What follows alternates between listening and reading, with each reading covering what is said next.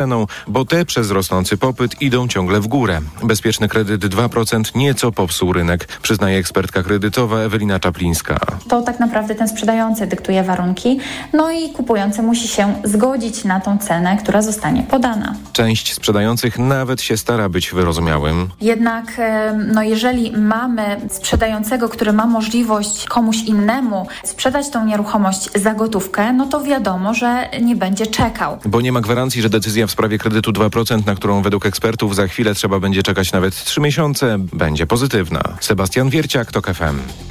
Na koniec sport. Tirana 2045. Cel kolejna wygrana w eliminacjach do piłkarskiego Euro 2024. Punktów nigdy za wiele, bo początek walki o awans nie był najlepszy, a i ostatni mecz z Wyspami Owczymi, mimo że wygrany, pozostawiał wiele do życzenia. Nasi piłkarze są jednak dobrej myśli i liczą, że odbudują zaufanie kibiców, mówi napastnik Karol Świderski. Myślę, że jak ten mecz wygramy, to na pewno gdzieś morale po naszej stronie i myślę po stronie kibiców gdzieś pójdą do góry na pewno. Początek meczu w Tiranie przypomnę o 20.45. Pogoda. Dziś słonecznie, więcej chmur na północnym wschodzie, ale padać nie będzie. Na termometrach maksymalnie 26 stopni w Białymstoku i Lublinie, 27 w Gdańsku, 28 w Warszawie, Łodzi, Kielcach, Krakowie i Rzeszowie, 29 we Wrocławiu, Toruniu i Katowicach, 30 w Szczecinie. Radio TOK FM. Pierwsze radio informacyjne. Nagłe zastępstwo.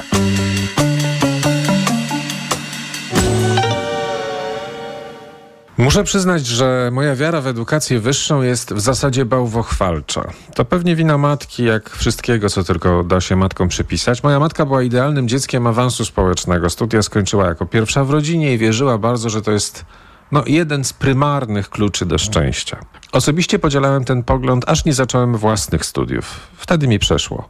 Nie tak, żeby od razu rzucić, nie skończyć, nie zrobić dyplomu, co to to nie. Studia należy mieć, nawet jeśli są koszmarnie nudne. Studia należy mieć, zobowiązania należy wypełniać, dyplom należy wrzucić do szuflady, ale jak się go dostanie, nie wcześniej. To też ilekroć słyszę, że ktoś porzuca studiowanie po powiedzmy trzech latach i jeszcze nie robi tego śmiesznego licencjatu, za naszych czasów nie było takich dziwactw i proszę, jak pięknie wyreszliśmy, to uważam, że należy takiego delikwenta przytrzasnąć drzwiami, a nie z nim dyskutować. I sklerotycznie wierzę, że z tego, że się napisze tę pracę końcową, że się skończy te studia, jednak coś wynika. I nie będę wchodzić w dyskusję, co dokładnie, poprzestanę na tym, że coś. Ale gdzieś w tle oczywiście, jak we wszystkich wokół, narasta i we mnie zwątpienie.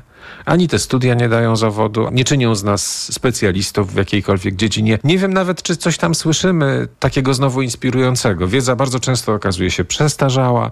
Program nie styka się w żadnym stopniu z rzeczywistością społeczną, a bywa wręcz, że także z najnowszą wiedzą akademicką. Gdybym miał powiedzieć, gdzie nauczyłem się tego, czego faktycznie używam, gdzie nauczyłem się myśleć, to okazałoby się, że właśnie tutaj, w radiu a nie tam w tym tak zwanym formacyjnym okresie spędzonym na takiej czy innej uczelni. Dowcip polega na tym, że tak zupełnie bez niej, bez tego czy innego dyplomu, mogliby mnie tutaj nie chcieć, chociaż tego też nie jestem wcale taki pewien. Dziennikarstwo jest pełne nieuków i niedouków, którzy chyba nawet z tego swojego nieuctwa korzystają, bo mając niższe standardy można sobie nie zawracać głowy szczegółami, a przecież nie o szczegóły podobno chodzi. Ale gdyby spojrzeć szerzej, to niewiara w edukację wyższą, kto wie, może zaczyna być czymś więcej niż tylko personalnymi wątpliwościami, które w zaciszu domostwa można sobie mieć. Prekursorem tej niewiary okazuje się nie byle kto, bo same Stany Zjednoczone, te co to z takim umiłowaniem wciskały przez dziesięciolecia światu, że mają najlepsze pod słońcem uniwersytety. Z najnowszych statystyk amerykańskich widać wyraźnie, że od kilku lat ciąg na studiowanie zaczyna słabnąć wśród licealistów. Jeszcze w 2016 roku na studia szło 70% z nich, teraz już 62%. Niby nie jest to jakiś gigantyczny spadek, ale gdyby jeszcze spojrzeć na stosunek do tych studiów, to już w ogóle jest dramatycznie. Jeszcze w 2010 roku 86% widziało w studiach dobrą inwestycję, 74% mówiło, że to ważne, żeby mieć dyplom. Dzisiaj mówi tak zaledwie 41%. Coś bardzo poważnego się wydarzyło. Ale co?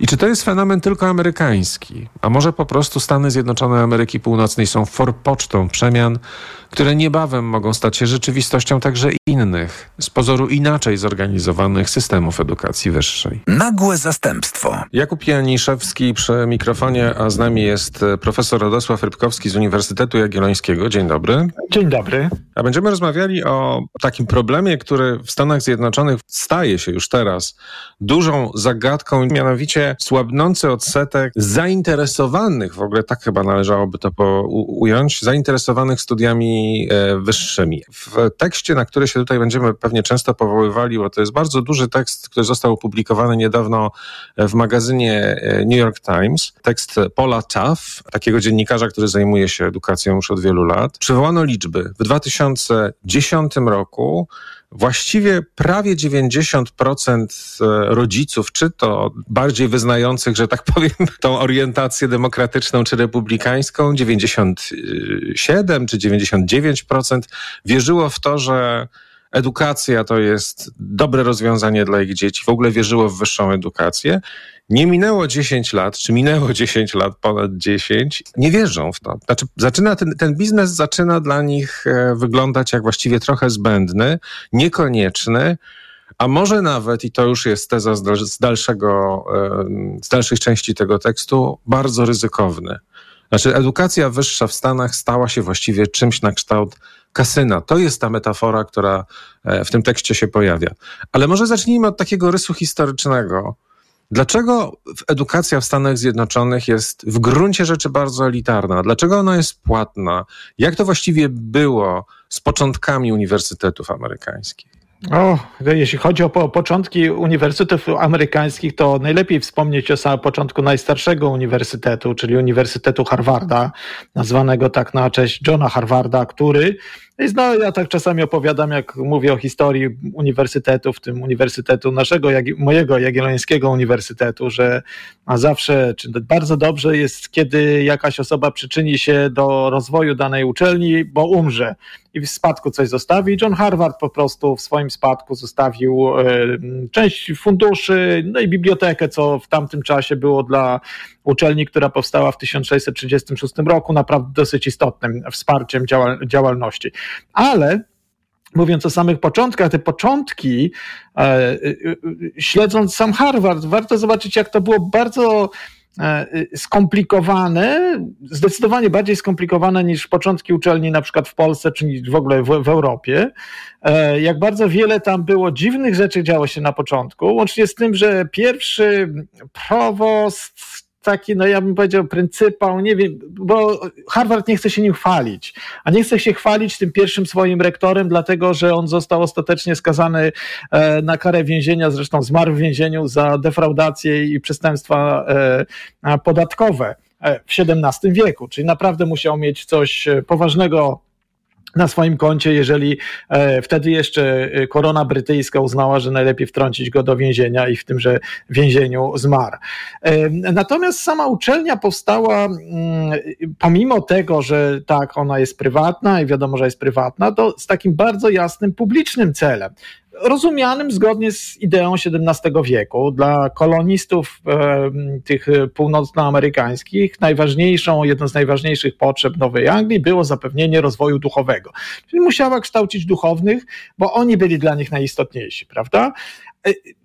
Założone to jako, założone zostało przez władze e, kolonii, czyli można by powiedzieć z perspektywy tego, kto zakładał, uczelnia była publiczna. Ona w momencie uzyskiwania niepodległości tak lekko wylawirowała do stania się e, uczelnią absolutnie prywatną, choć znowu to Stany Zjednoczone są takim krajem, gdzie mnóstwo dokumentów zostało spisanych dawno i one są zmieniane, ale jednocześnie to pierwotne brzmienie dalej jest i w konstytucji stanu Massachusetts dalej jeden z rozdziałów mówi o edukacji i tam jest wprost wymieniony Uniwersytet Harvarda jako ta część edukacji, która e, jest y, właściwa dla, dla całego stanu Massachusetts, gdzie znajduje się Uniwersytet Harvarda.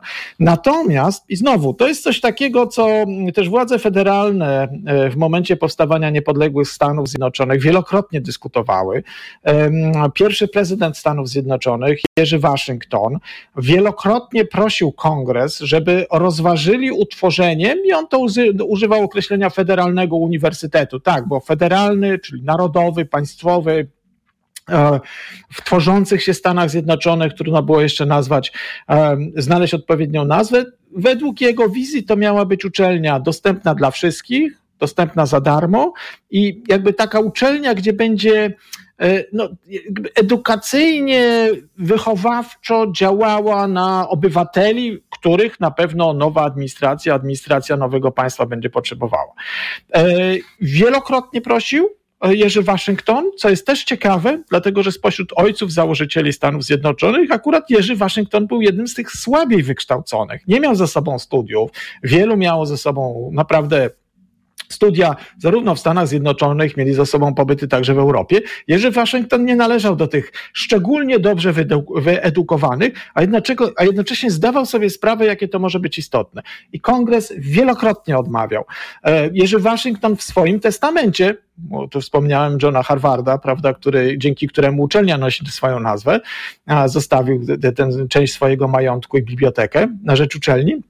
Jerzy, Jerzy Waszyngton zostawił swoje udziały w spółce, która miała zajmować się budową i eksploracją jednego z kanałów e, e, łączących komunikacyjnie z, z tą południe Stanów Zjednoczonych z północą.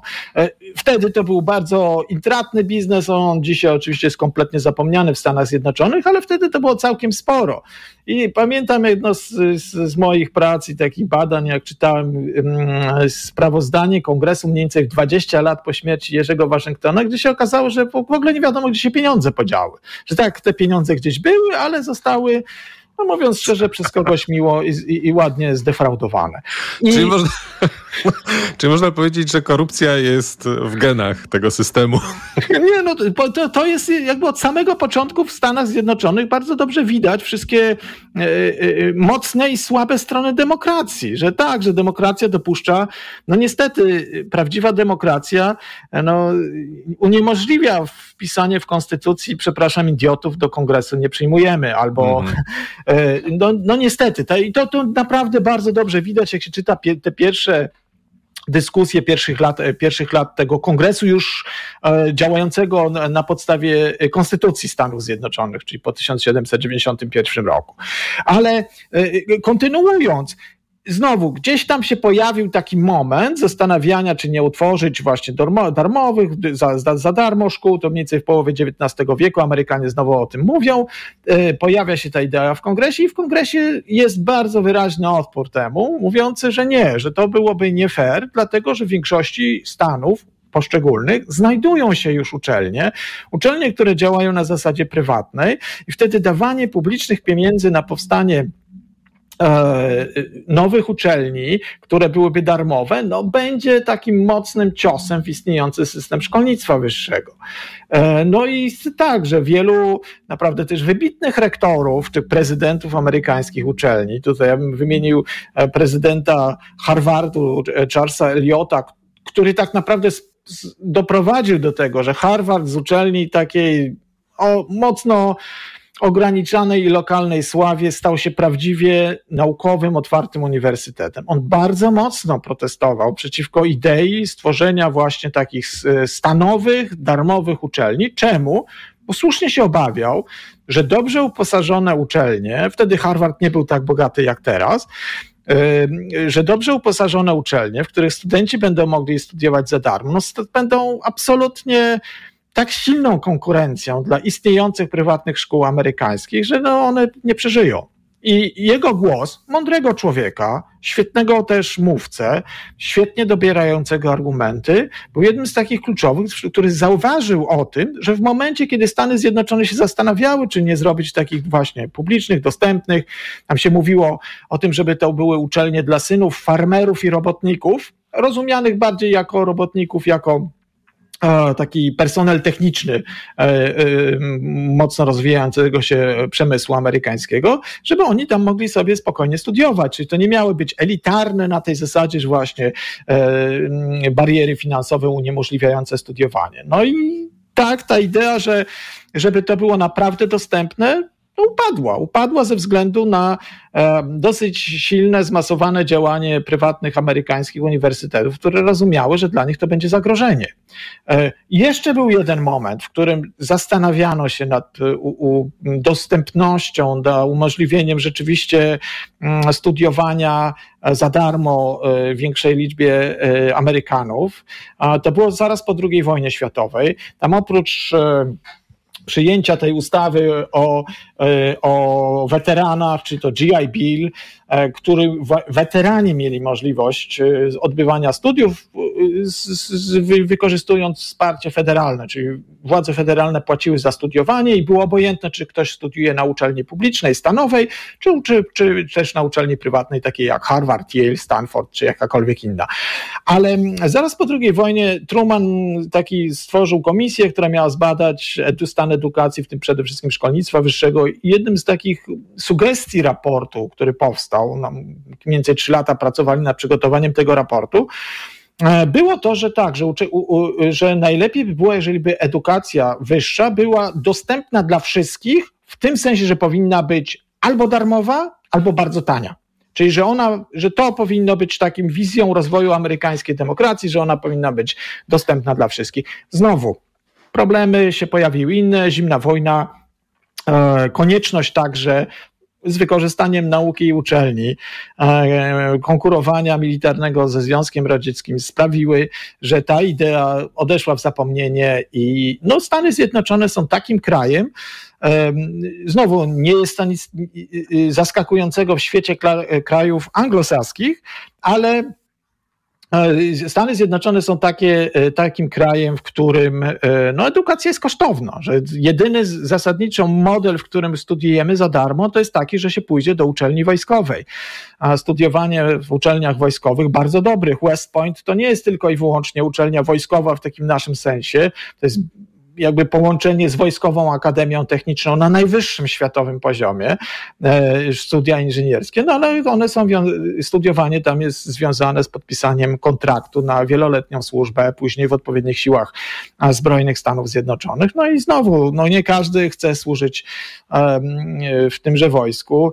W mojej dalekiej rodzinie był taki przypadek, że człowiek poszedł na studia na West Point, miał pójść do armii, okazało się, że jest uczulony na jakieś tam elementy e, umundurowania, mundurowania po prostu, e, w sensie jakiejś farby czy, czy, czy, czy materiał, z którego są mundury szyte i nie mógł e, odsłużyć, więc musiał niestety zapłacić potem dosyć szybko, e, oddać te koszty, które armia amerykańska poniosła za jego studiowanie. Więc to, to, to jest jedyna możliwość studiowania za darmo, teoretycznie przynajmniej. I to jest bardzo ważny element, ten moment, kiedy właśnie kiedy, kiedy pan wspomniał o tym człowieku, któremu, no jak to się mówi, nie poszło w życiu. To znaczy, no to jest pech, prawda? No nie mógł skończyć faktycznie, jakby nie, nie wybierając akurat takiego rozwiązania, ale w tym tekście sążnistym, jakby napakowanym danymi, jest próba odpowiedzi na pytanie, co się dzieje z Amerykanami, że jakby coraz mniej entuzjastycznie odnoszą się do studiowania na uniwersytetach i odpowiedź jest jedna.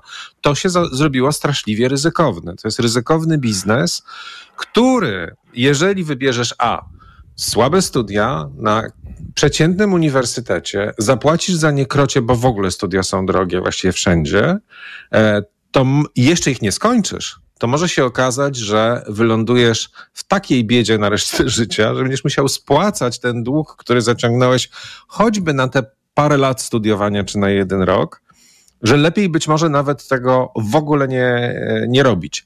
Co gorsza, i to jest to największe odkrycie, amerykańscy mm, ekonomiści jakby próbowali się przyjrzeć uważnie e, temu, jakie, jaki jest zysk ze studiowania. Znaczy, jak wygląda ta sytuacja kogoś, kto idzie do koledżu z kimś, kto poprzestaje na liceum amerykańskim. I co się okazuje? To znaczy, teoretycznie, jak popatrzymy tak na gołe dane, no to oczywiście ci, którzy poszli do koledżu, zarabiają więcej. Ale jeżeli uwzględnimy koszt kredytów studenckich w te, wciągniemy w, w te zarobki, to nagle się okazuje, że ten zysk jest coraz mniejszy. Że to już nie jest tak jak w latach 40., że faktycznie uniwersytet umieszcza cię w zupełnie innej lidze pracowników i stajesz się bardziej atrakcyjny dla potencjalnego pracodawcy, coś siłą rzeczy wprost przekłada się na twoją sytuację i już. Tylko to zaczyna być bardzo dyskusyjne jeszcze może jakoś działa w, w, sytuacji tak zwanych nauk ścisłych, natomiast w przypadku humanistyki właściwie szanse na to, że e, będziesz zarabiał lepiej po, po szkole wyższej i e, spłacając jakby swoje kredyty, e, i, i będzie ci się wiodło lepiej, jest właściwie prawie żadna. Znaczy widać bardzo wyraźnie, że ta premia z tytułu wyższej edukacji na dobrym uniwersytecie coraz bardziej maleje. Tak samo zresztą, i to jest bardzo ważne, to jest w tym tekście mocno podkreślone, maleje dostępność stypendiów dla młodzieży uzdolnionej, która nie może sobie pozwolić na studiowanie i to maleje znacznie. E, jest też taki inny tekst, też niedawno w New York Timesie opublikowany, bardzo ciekawy, o tym, co się dzieje z uniwersytetami, które przyjmują, e, no właśnie stawiają dalej na tak zwane Pell Grants, czyli ten taki, no można powiedzieć, najbardziej rozpowszechniony, e, rozpowszechnione narzędzie wyrównywania szans. No i się okazuje, że jest, e, że to też, że to też jakby ta dostępność też maleje, że to jest nie więcej niż 20% przyjmowanych studentów. To jest jednak mało. E, ten Harvard, który, o którym tutaj wspomnieliśmy, że jest taki ważny dla tego systemu edukacji, ma 22% takich studentów. To tych świeżo przyjętych. To jest jednak mało. Tak, to, to, to co, co, co pan redaktor powiedział, to jest w ogóle poważny problem jest e, no, wielowymiarowy, bo oprócz samego zadłużenia, czyli tych, tych zadłużenia z tytułu kredytów studenckich, które w Stanach Zjednoczonych jest, jest gigantyczne, według danych na koniec e, sierpnia tego roku, czyli absolutnie świeżych danych, to zadłużenie sięgnęło biliona 570 miliardów dolarów. I to są polskie nazwy, prawda? Polskie nie, nie, nie, amerykańskie biliony, e, tylko, bo to jest 1,57 tryliona amerykańskiego, czyli nasz tak. bilion 570 milionów, miliardów dolarów, co wynosi tak jak się porównuje skalę zadłużenia krajów do PKB, to wynosi to ponad 6,7% PKB te, to, to, to jest prywatne oczywiście zadłużenie, to nie jest dług publiczny, to jest absolutnie prywatny dług, ale już od wielu lat widać, to od początku XX wieku absolutnie widać, że y, zadłużenie z tytułu kredytów studenckich jest zadłużeniem, które rośnie najszybciej w Stanach Zjednoczonych, że wyprzedza wszelkie inne, znaczy przyrost tego zadłużenia jest naj, największy. To, co jest bardzo niepokojące i to potwierdza to, co pan redaktor powiedział, absolutnie to potwierdza to, co jest napisane w tym artykule w magazynie New York Timesa, że powiększa się grupa ludzi, którzy ciągle mają zadłużenie, czyli mają całkiem spore zadłużenie, czy tam, prawda, w tych zaciągniętych kredytów studenckich w wieku 60 plus, czyli takich, co do których można podejrzewać, że oni tak naprawdę tego kredytu nigdy nie spłacą. Prawda, że oni zaczną, zaczęli życie, to jest tak właśnie, jeszcze wybrawszy niewłaściwe studia na słabej uczelni, bez rzeczywistego, rzeczywistej możliwości zwiększenia swojej e, tej tak zwanej premii płacowej, czyli zwiększenia swoich zarobków dzięki temu, że się posiada lepsze wykształcenie jest e, niewielka, ta szansa na premię płacową jest absolutnie minimalna, to ci ludzie naprawdę nie mają szansy zdobycia, e, uwolnienia się od kredytu studenckiego. Tym bardziej, że inaczej niż na przykład kredyt zaciągnięty na zakup nieruchomości, kredyt studencki nie podlega bankructwu temu, temu y, y, indywidualnego konsumenta. I to jest gigantyczny problem. Jeszcze jest jeden wielki problem w Stanach Zjednoczonych. Jeżeli popatrzymy w tak, dola, uwzględniwszy poziom inflacji, to okazuje się, że mediana zarobków osób, które Mm, ukończyły te podstawowe dla Stanów Zjednoczonych studia na poziomie baka, e, czyli naszego licencjata e, baka, e, Bachelor of Art, Bachelor of Science, to ta mm, w, mierzonych w tych, tych, jakby w tych samych wartościach dolaru, czyli z uwzględnieniem inflacji, od początku XXI wieku ta mediana zarobków spada. Ona spadła w ciągu pierwszych 15 lat XXI e, wieku o 10 tysięcy dolarów, z 85 tysięcy do 75. Czyli też osoby, które mają e, wykształcenie, jeżeli uwzględnimy medianą, medianę zarobków, to oni zarabiają coraz mniej. Czyli oprócz tego, że właśnie jest to społeczne przekonanie, że to mm, być może nie ma, e, e, nie ma takiego sensu pchać się w szkolnictwo wyższe, to twarde ekonomiczne dane pokazują tak, nie, trzeba bardzo rozważyć, czy zastanowić się, czy pójście do, e, na wyższą uczelnię ma sens, bo to może się skończyć no, poważnym problemem finansowym, który będzie się ciągnął przez całe życie. Tak jest i o tym właśnie ten tekst głównie traktuje, bo trzeba pamiętać o tym, że nawet jeżeli ktoś ma takie szczęście, że jednak na to stypendium się załapie, to nie zawsze jest tak, że dostaje stypendium kompletnie, że studiuje kompletnie za darmo. Na przykład płaci mniej, prawda? To też jest e, e, rozpowszechniony model, że jest tak zwana sticker price za jeden rok e, na koledżu amerykańskim i ona może wynosić na przykład, a tak rzucam, w Karolinie Północnej, czyli Duke University. To jest prawie, 8, prawie 80 tysięcy dolarów za rok studiowania. E, z kolei na Stanfordzie to jest 76 700. W Harvardzie to jest 78 900. Natomiast oczywiście może się okazać też tak, że ktoś z tytułu tego, że jest low income, czyli że mało zarabia, dostaje właśnie taką dużą zniżkę i wtedy płaci na przykład 6 tysięcy za rok albo 10 tysięcy za rok. Czyli można powiedzieć, no fantastycznie, tylko jeszcze się musi za coś utrzymać. Więc musimy do tych 10 tysięcy dodać kolejne 25 na całą resztę, prawda? Bo to jest tylko jednak, pamiętajmy, czesne tutaj ulega zmianie. Tak, tak, a to co pan redaktor mówił też w tych naprawdę najlepszych uczelniach okazuje się, no między innymi ze względu na to, że to są duże ośrodki akademickie, koszty wynajęcia jakiegokolwiek lokum, w tym także domu pokoju w akademiku, czyli to, to co student housing, które uczelnie oferują, e, są potwornie wysokie. I, I, tak naprawdę wielu tych, e, w, w, w, w, pobliżu uczelni amerykańskich, takich jak, e, czy to będzie no powiedzmy University of Pennsylvania, który jest w Pensylwanii, Filadelfii, czy nie wiem, Columbia University, Harvard w Bostonie, to te ceny wynajęcia nieruchomości są horrendalnie wysokie, więc tak, że oprócz samych takich czystych kosztów studiowania związanych z byciem studentem, e, na uczelni trzeba doliczyć koszty, koszty życia, które no właśnie tam są zdecydowanie wyższe niż e, troszeczkę dalej w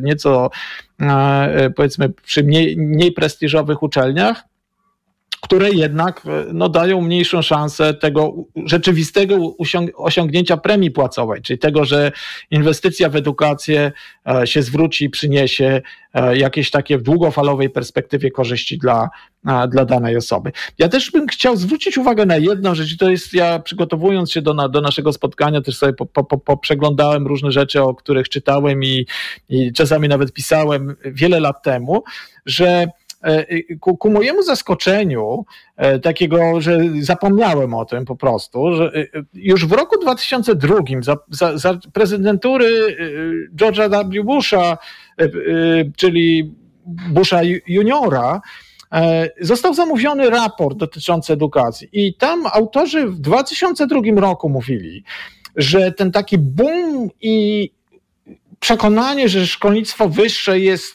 tak strasznie dobre i ważne, jest trochę złudny. Bo, bo sam raport nosił nazwę The Missing Middle, czyli to brakujący środek. Oni mówili, że to, co tak naprawdę potrzeba gospodarce amerykańskiej, to jest dobre wykształcenie na poziomie czegoś, co byśmy określili z Polska, prawda, taki dobre technikum, prawda? Że to jest to, co tak naprawdę gospodarka takie zawodowe, dobre zawodowe wykształcenie. Dokładnie tak, że to absolutnie nie jest niezbędne posiadanie dy, dyplomu koledżów, bo tak, są miejsca, gdzie ten dyplom koledżu się przydaje i rzeczywiście widać, że można skonsumować zdobytą, zdobyte wykształcenie, ale w większości biznesów takich, które funkcjonują w Stanach Zjednoczonych nie tylko w Stanach Zjednoczonych, szkol, wykształcenie wyższe wcale nie jest potrzebne. Jest potrzebne dobre przygotowanie zawodowe, które można osiągnąć w krótszym czasie i na pewno mniejszym kosztem. I Tak, to jak mówię, że, że dla mnie samego było zaskoczenia. Pamiętałem, że taki raport był, ale że on był już w roku 2002 napisany. Tutaj z, znowu Stany Zjednoczone są też członkiem OECD, czyli Organizacji Rozwoju, Współpracy i, Rozwoju Gospodarczego. I raporty OECD też wielokrotnie mówią, że to, co jest naprawdę potrzebne, to jest inwestycja w takie dobre przygotowanie zawodowe, nie szczególnie długie, czyli niekoniecznie czteroletnie studia, że e, teoretycznie w Stanach Zjednoczonych, czy są w Stanach Zjednoczonych te associate degree po dwuletnich najczęściej to są te community colleges, takie właśnie bardziej lokalne szkoły wyższe.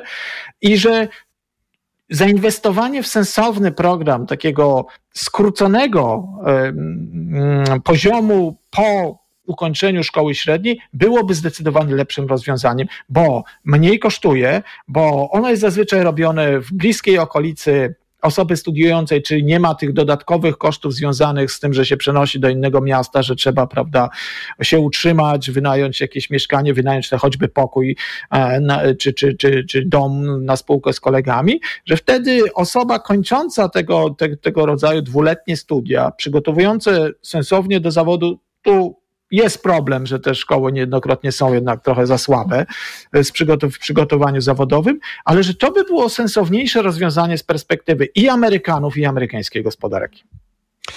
A równocześnie, i to trzeba pamiętać o tym, bo to też jest przytoczone w e, tym artykule i to jest bardzo ważne, że ta część Amerykanów, która nie wierzy w wyższe wykształcenie, i za chwilę powiemy o tym, jaka to jest część, bo to też jest istotne, która mówi o tym, że można sobie poradzić bez tego, też się może znaleźć w pułapce, dlatego że te zawody, gdzie faktycznie nie musisz mieć wyższego wykształcenia, nikt cię o nie nie będzie pytał i absolutnie dyplom liceum wystarczy, czyli matura wystarczy, te, te, tych zawodów będzie coraz mniej. A nie są to zawody, pamiętajmy o tym, za szczególnie prestiżowe. Tutaj Stany się nie różnią absolutnie od reszty świata, czyli e, okej, okay, mówią tak, w, te, w, tym tekście akurat Paul Taft mówi tak, okej, okay, w dalszym ciągu jest tak w Stanach Zjednoczonych, że dobry hydraulik może zarobić 60 tysięcy rocznie, według e, statystyk e, krajowych. Natomiast e, po pierwsze nie, nie liczmy na to, że to się tak bardzo długo utrzyma i że ten boom na hydraulików jakoś faktycznie jakby stanowi alternatywę dla potencjalnych e, niestudiujących, ale też jeżeli popatrzymy na to, na co w ogóle mogą liczyć e, ludzie, którzy mają wykształcenie średnie, no to jest naprawdę, to jest e, praca w gastronomii, przede wszystkim. I, I, to jest praca fizyczna nieszczególnie dobrze e, wynagradzana. Ewentualnie jakiegoś rodzaju sprzątanie po domach, tak zwane home health aids też, czyli, czyli, czyli no pewnego rodzaju taka praca, można powiedzieć, usługowa, w, powiązana jakoś z zdrowotnymi kwestiami. Tak, tak, bo to jest na, na polski najprędzej to by powiedzieć pomoc osobom starszym, to home health aids, tak. no nie? To, to by było, o, o, to by chodziło w tym. I tak, że to są te zawody, które y, są przy, przy, przewidywane, że one będą zwiększa, będzie coraz większa potrzeba, ale one są właśnie to, ponieważ nie wymagają tak naprawdę nie wymagają nawet dyplomu liceum, a tylko jednak pewnej wytrzymałości fizycznej, a więc one są, należą do tej grupy zawodów najmniej, najmniej płatnych. No tak jak e, nie wiem, osoby jadące w Stanach Zjednoczonych e, e, na pewno widzą, że te no, ci pracujący w restauracjach, oni się utrzymują nie z dzięki posiadanej pensji, tylko bez napiwków to oni naprawdę by sobie nie, nie poradzili. No nie? Że to jest, to, to są z samego, samej mm, y, tytułu umowy o pracę, czy, czy jakiegoś kontraktu pracowego, no to jest naprawdę y, ciężko byłoby się utrzymać. Więc y, tak, że te zawody, w których myślimy, ok, nam nie jest potrzebne wykształcenie wyższe, jest e, no, pula ograniczona i to są te gorzej, zdecydowanie gorzej płatne prace z niskimi perspektywami też awansu zawodowego, bo trudno awansować zawodowo, jak się jest właśnie osobą do pomocy o, osobie starszej, że no to tak, no to jest się osobą, która pomaga osobie starszej i tyle. No, nie, da się jakoś tam awansować bardziej do większego pomagania oso osobie starszej, prawda? Więc to, to, to, to też jest ten problem, że to jakby zamyka perspektywy rozwoju w sensie takim osobistym, ludzkim. A równocześnie, to też jest interesujące, w tym artykule cytuje się eksperta, zresztą konserwatywnego eksperta, ale z takiego dobrego think tanku raczej amerykańskiego, e, który mówi o tym, że. Mm, to też nie jest tak, że te najlepsze, najdroższe uniwersytety sprzedają coś, czego absolutnie nigdzie indziej nie można znaleźć taniej. Znaczy, to jest pewnego rodzaju mit. To, to doskonałe wykształcenie z najlepszego uniwersytetu e, na świecie i że to jest takiego, taka plakietka, która się przydaje dzieciakom z bogatych rodzin, żeby dostawać dobrą robotę na starcie. Czyli to jest pewna fikcja, na którą stać najbogatszych Amerykanów, utrzymująca się jakby w, przekładająca się oczywiście na pozycję społeczną, ale to jest pewnego rodzaju, no trochę traktowanie uniwersytetu jak takiej pensji dla panien.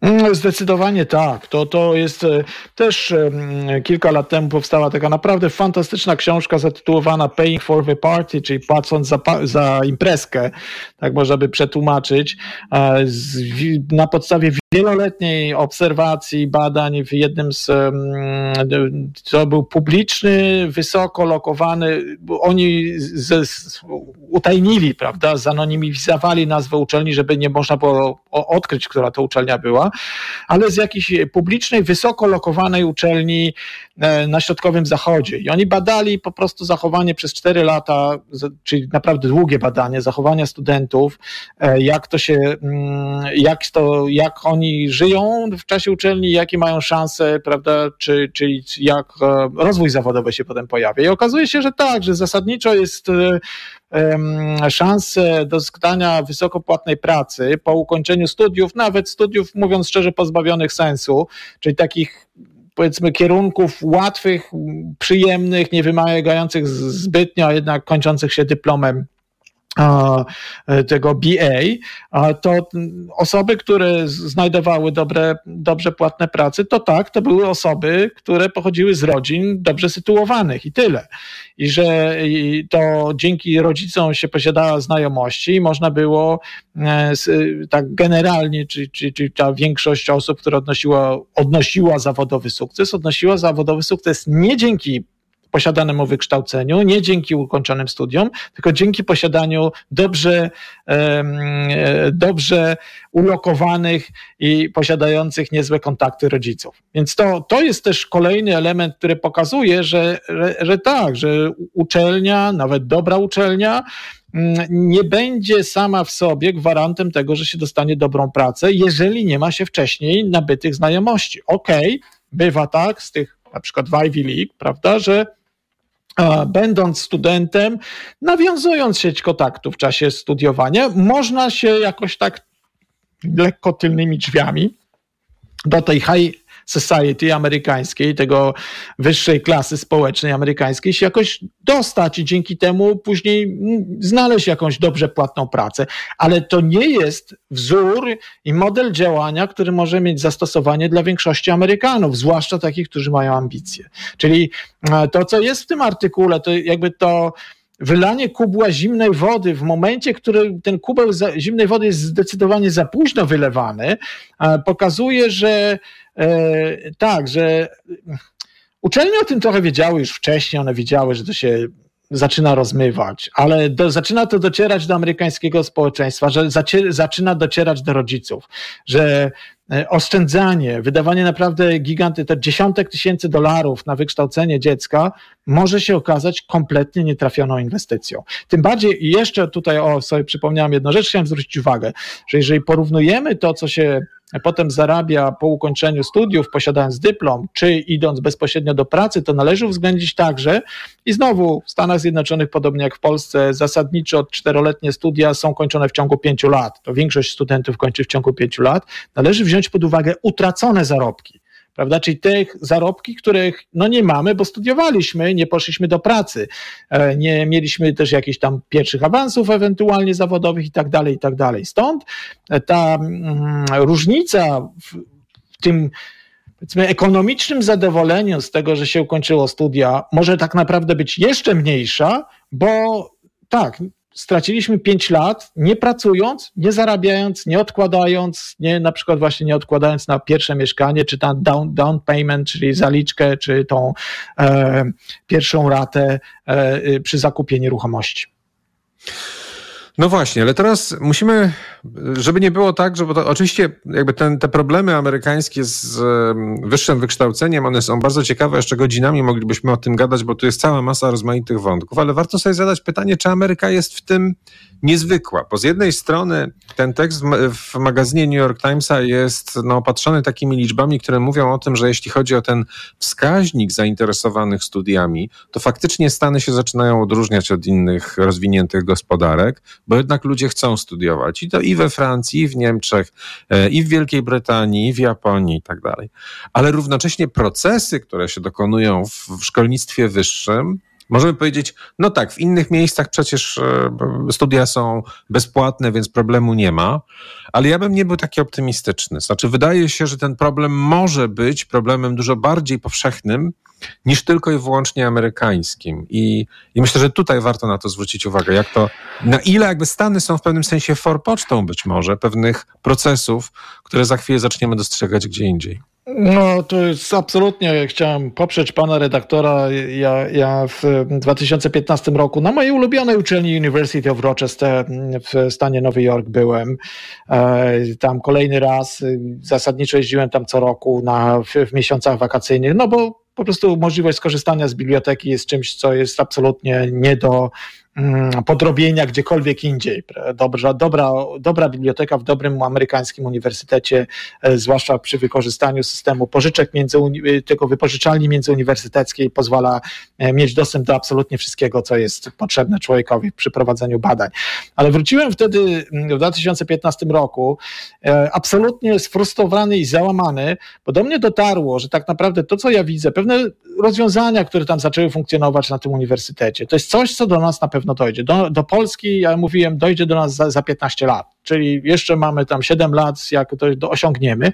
Jednym z tych elementów, które ja tam widziałem, to naprawdę dobry, prywatny amerykański uniwersytet, tu ważne jest podkreślenie prywatny, ale sposób rozwoju biurokracji akademickiej, uniwersyteckiej był po prostu przerażający. I że to jest coś takiego, co patrząc, śledząc, co się działo wcześniej, tak, takie miałem z różnego rodzaju rzeczy, które dokonywały się, y, przemian, które się dokonywały w systemie szkolnictwa wyższego, to widziałem, że tak mniej więcej 15-20 lat po tym, co się działo w Stanach Zjednoczonych, to docierało także do Polski. I to mnie, mówiąc szczerze, bardzo przeraziło i e, na, na, napełniło takim naprawdę mocną obawą, a z drugiej strony okazuje się, że wydaje się, że te procesy zaczynają przyspieszać.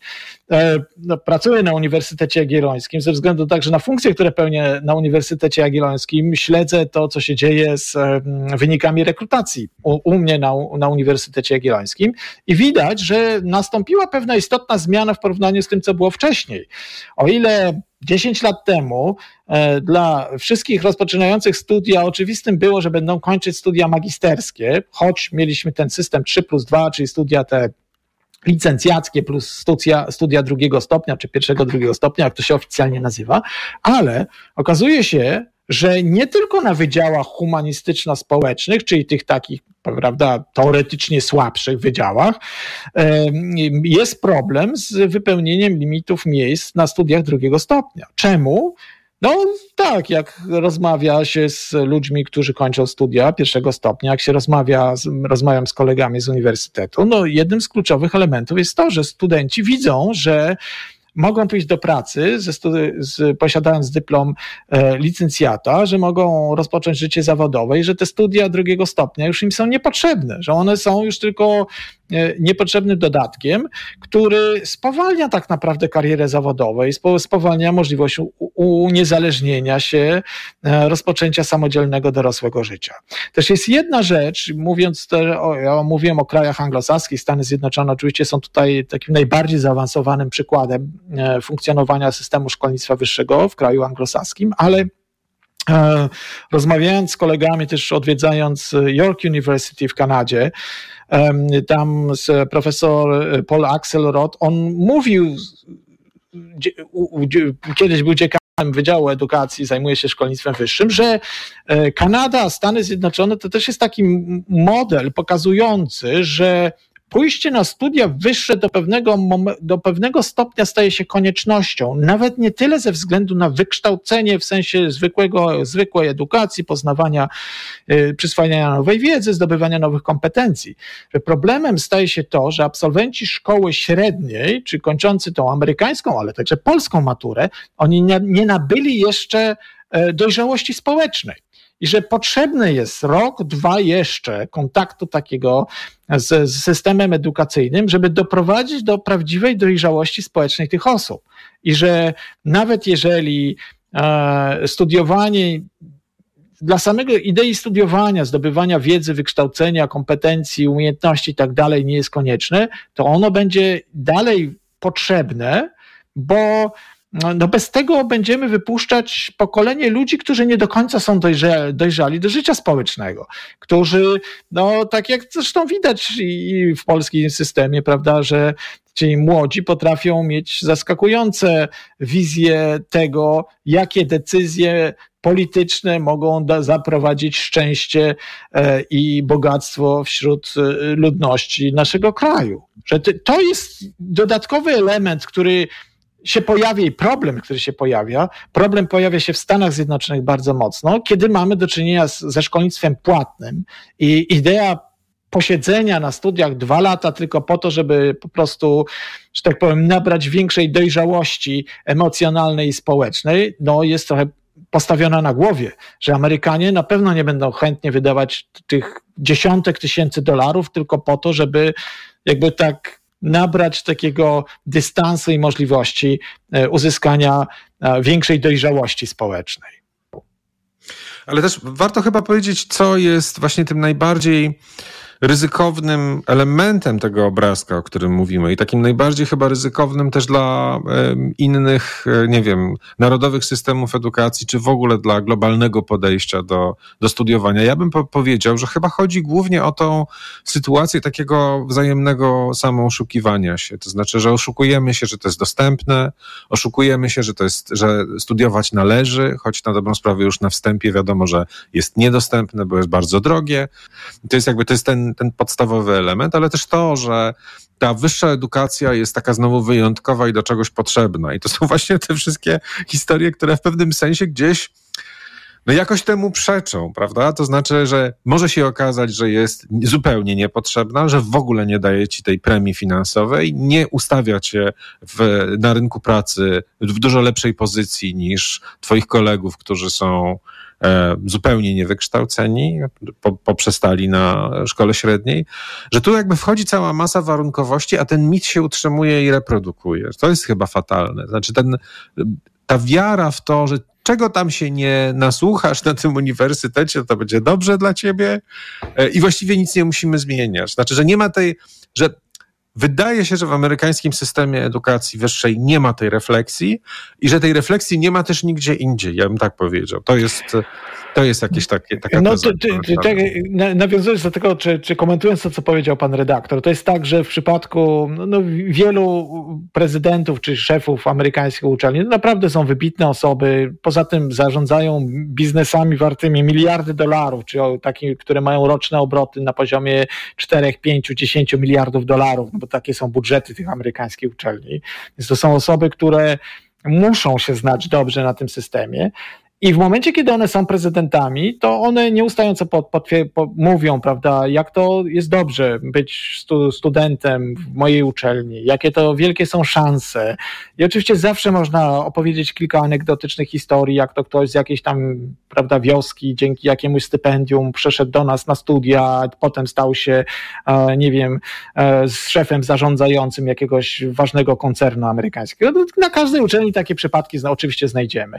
Ale ci sami prezydenci, jak przestaną być prezydentami, jak zaczną, odchodzą na emeryturę i mogą tak naprawdę mówić to, co naprawdę uważają, to oni zaczynają się stawać bardzo krytycz- wielkimi krytykami, nie koniecznie swojej własnej uczelni, ale tego systemu szkolnictwa wyższego. I to jest dokładnie potwierdzenie tego, co powiedział pan redaktor, że tak, że on jest oparty o jakimś takim oszustwie, czyli takim udawaniu, że tak, że przez ze strony uczelni, no, no uczelnie nie powiedzą, no słuchajcie, wiecie co, wcale nie musicie studiować u nas, ani w ogóle na żadnej innej uczelni, tak, jak będzie połowę mniej studentów, to po prostu najwyżej zamkniemy naszą, naszą uczelnię i tyle.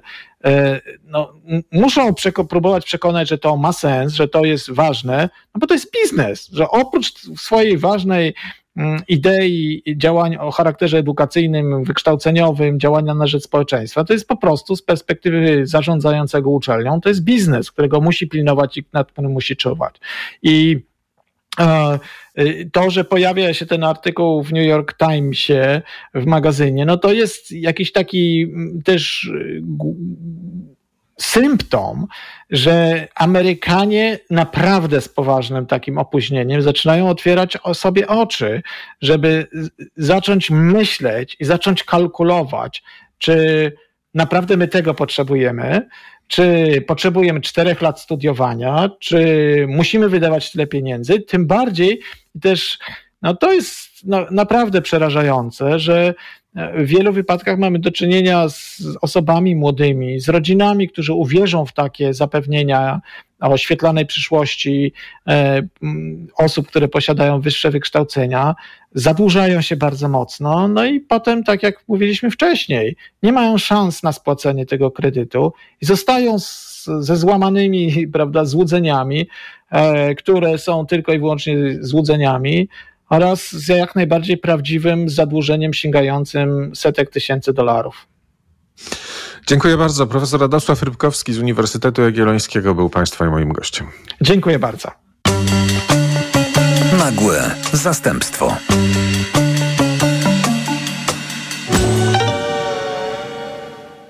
Radio TOK FM. Pierwsze radio informacyjne.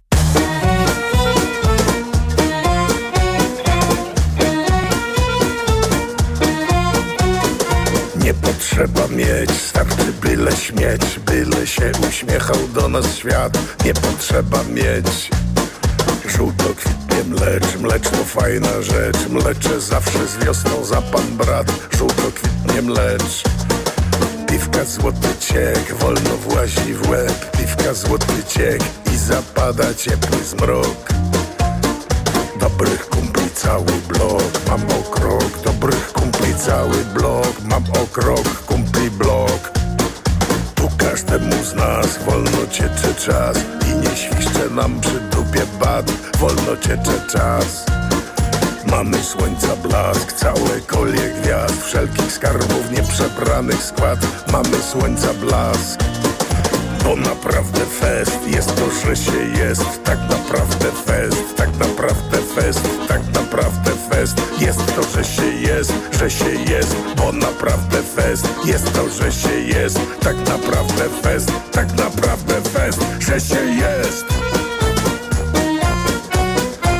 Każdemu z nas wolno ciecze czas I nie świszcze nam przy dupie bat. Wolno ciecze czas Mamy słońca blask, całe kolie gwiazd Wszelkich skarbów nieprzebranych skład. Mamy słońca blask. Więc gdy mówisz mi, że za mało ci To mnie wtedy trafia szlak, że za mało ci.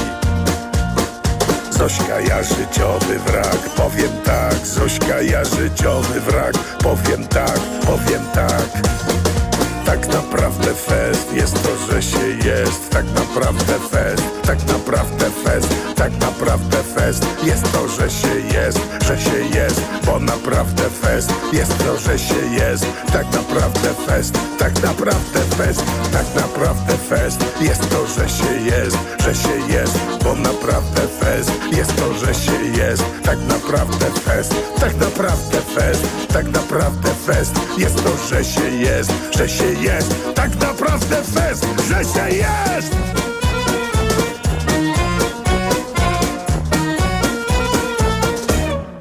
Reklama. RTV Euro AGD. Tylko do środy w euro. Obniżki na maksa. Rabaty na wybrane produkty. Na przykład kulec Samsung 55 tali 4K Ultra HD. Najniższa cena z ostatnich 30 dni przed obniżką to 3499. Teraz za 3399 zł.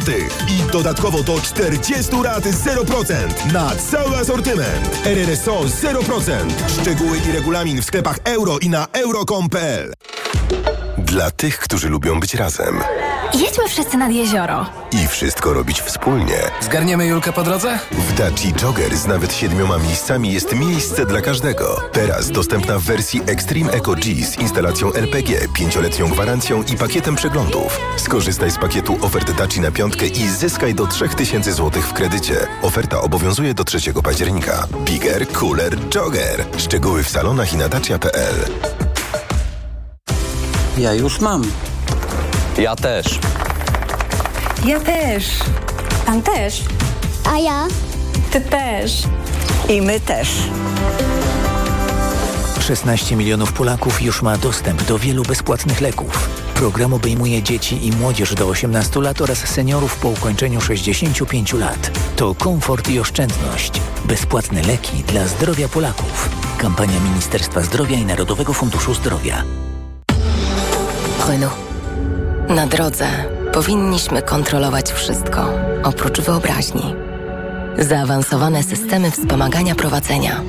System Open Air Link z wbudowanymi usługami Google. Wybierz nowe Renault Austral.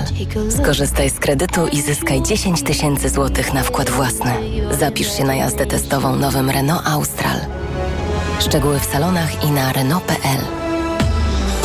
Renault. Año Bolívar. Gardło. Czy możesz wziąć za mnie zastępstwo w piątej A? Oczywiście, Ewa. A ty na zapalenie gardła weź pastylki do ssania Septinum Silver. Polecił mi je lekarz. Wyrób medyczny Septinum Silver dzięki zawartości nanosrebra wspomaga leczenie infekcji bakteryjnych i wirusowych gardła. Łagodzi ból, chroni i nawilża gardło. Septinum Silver. Pierwsza pomoc przy bólu gardła. Dostępny także w sprayu. Producent oraz podmiot prowadzący reklamę Zdrowit. To jest wyrób medyczny. Używaj go zgodnie z instrukcją używania lub etykietą. Szukasz elektryzujących przeżyć za kierownicą i komfortu w podróży dla całej rodziny? Poznaj specjalny model w pełni elektrycznego Mercedesa EQB. Zachwyć się jego zaawansowanymi technologiami i przestronnym wnętrzem, które zapewni miejsce aż siedmiu pasażerom. Model specjalny Mercedesa EQB to też nowa atrakcyjna cena oraz korzystne finansowanie w programie Lease and Drive dla przedsiębiorstw już od 849